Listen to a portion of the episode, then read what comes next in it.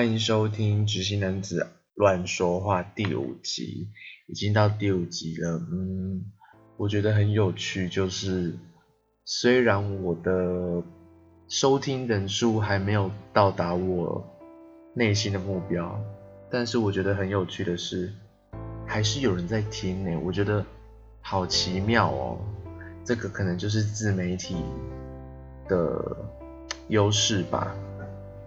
最近呢，其实已经到十二月了。十二月就是一个对我来讲，就是一个阴郁的季节。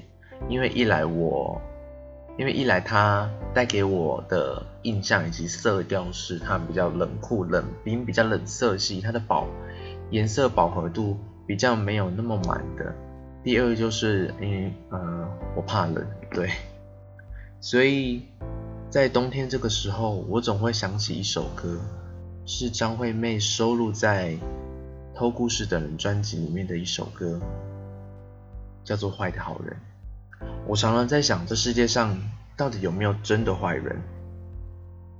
这件事情其实很难去定义什么是好人，什么是坏人。因为如果各位有看《麻醉风暴》的话，就可以知道，全部的角色里面没有一个是真正的坏人。每个人都有自己想要保护的人，每个人都是好人，每个人都是想要周全自己爱的人。但是，我们为了这些我们爱的人，所以我们牺牲掉别人对自己的信任，别人对自己的真诚，所以受伤的那一边就会说你是坏人。但是反过来讲，如果他牺牲掉他自己爱的人的话，他爱的人。就会说他是坏人哎，所以我我一直在想这件事情，就是这世界上到底有没有绝对的坏人跟绝对绝对的好人？因为相对的，没有绝对的坏人，也就是就不会有绝对的好人了。没有没有人 always 在极端值吧，就跟没有人是永远的最极端的左派及右派。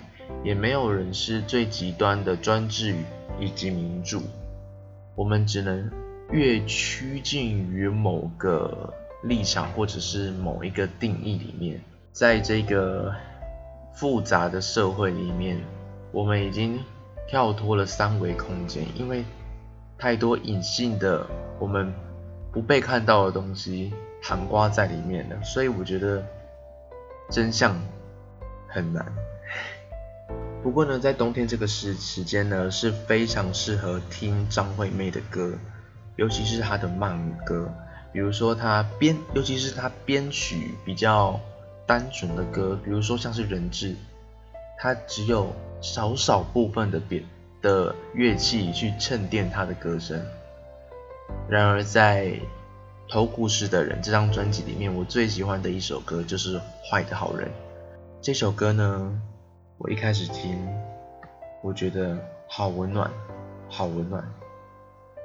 但是，一到后来，我觉得这首歌好疗愈，好疗愈。就跟张惠妹在 YouTube 上面的简介写的：“不期待故事里有好人，但是我愿意再等等那个坏坏的好人。”小丸作词，黄晨峰作曲。我们一起来欣赏张惠妹的《坏的好人》。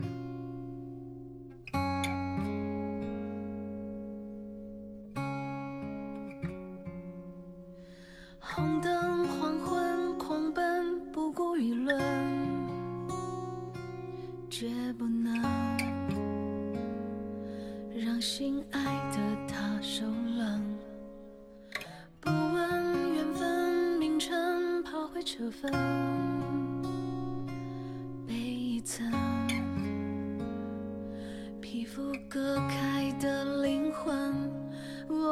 青春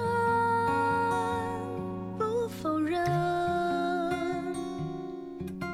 有些寂寞倒也不缺他一个吻。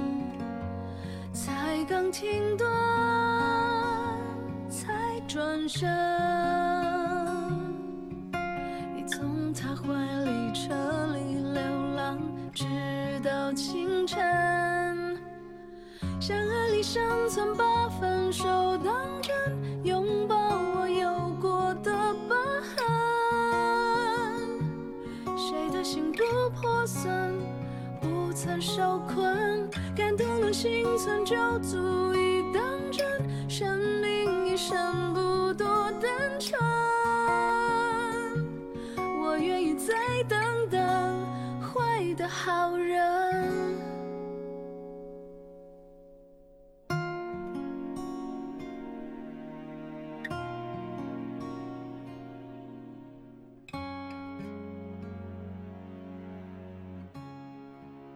前几集呢都是在讲一些植物的部分，那我们这一集呢回归土壤，我们先来讨论一下介质是什么。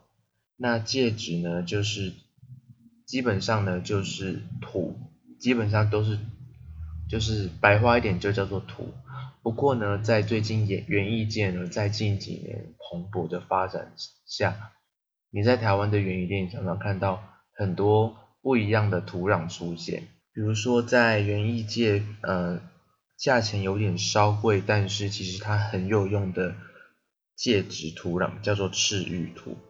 那赤赤玉土呢，是产于日本的关东，是含风化的火山粒跟铁粉。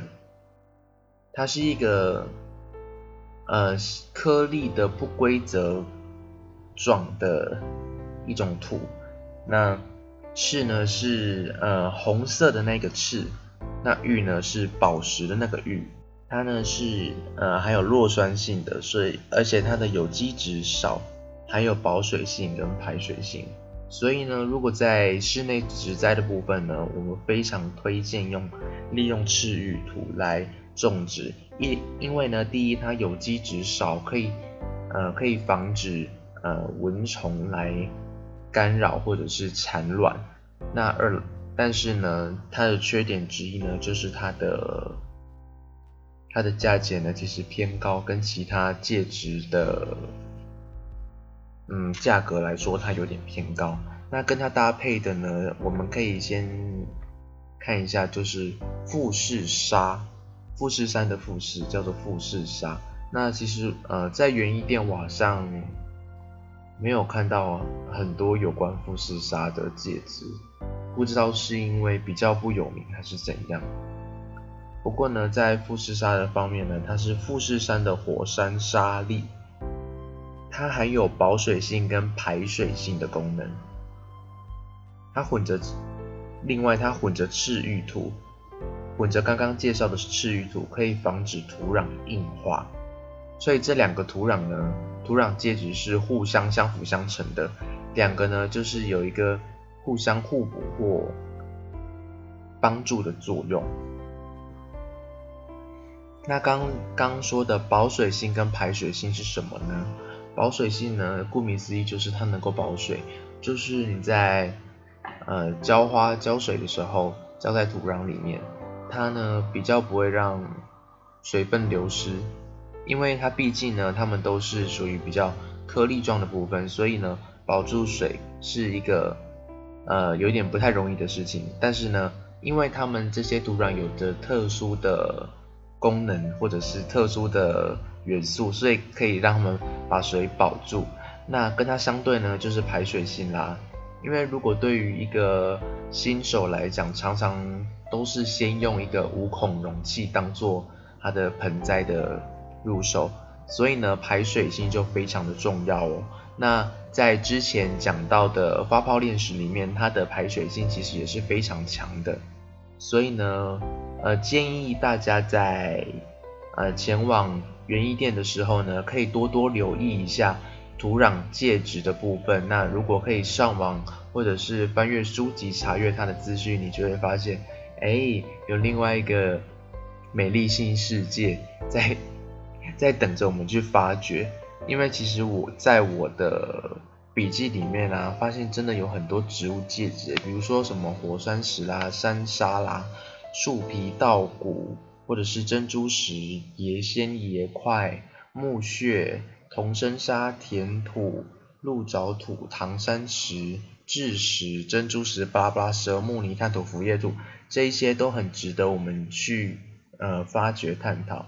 那如果有时间或者是有更加详细的呃植物资讯的话呢，其实就是要继续收听我们的节目，这样子呢才能把所有的，也不能说所有，才能呃尽力的。尽可能的将大多数的知识传传达给大家。那我们这一集的节目呢，就到这一边，我们下个礼拜再会。直性男子乱说话的 Instagram 官方账号已经开张了，如果想要获得最新的讯息，请搜寻直性男子乱说话。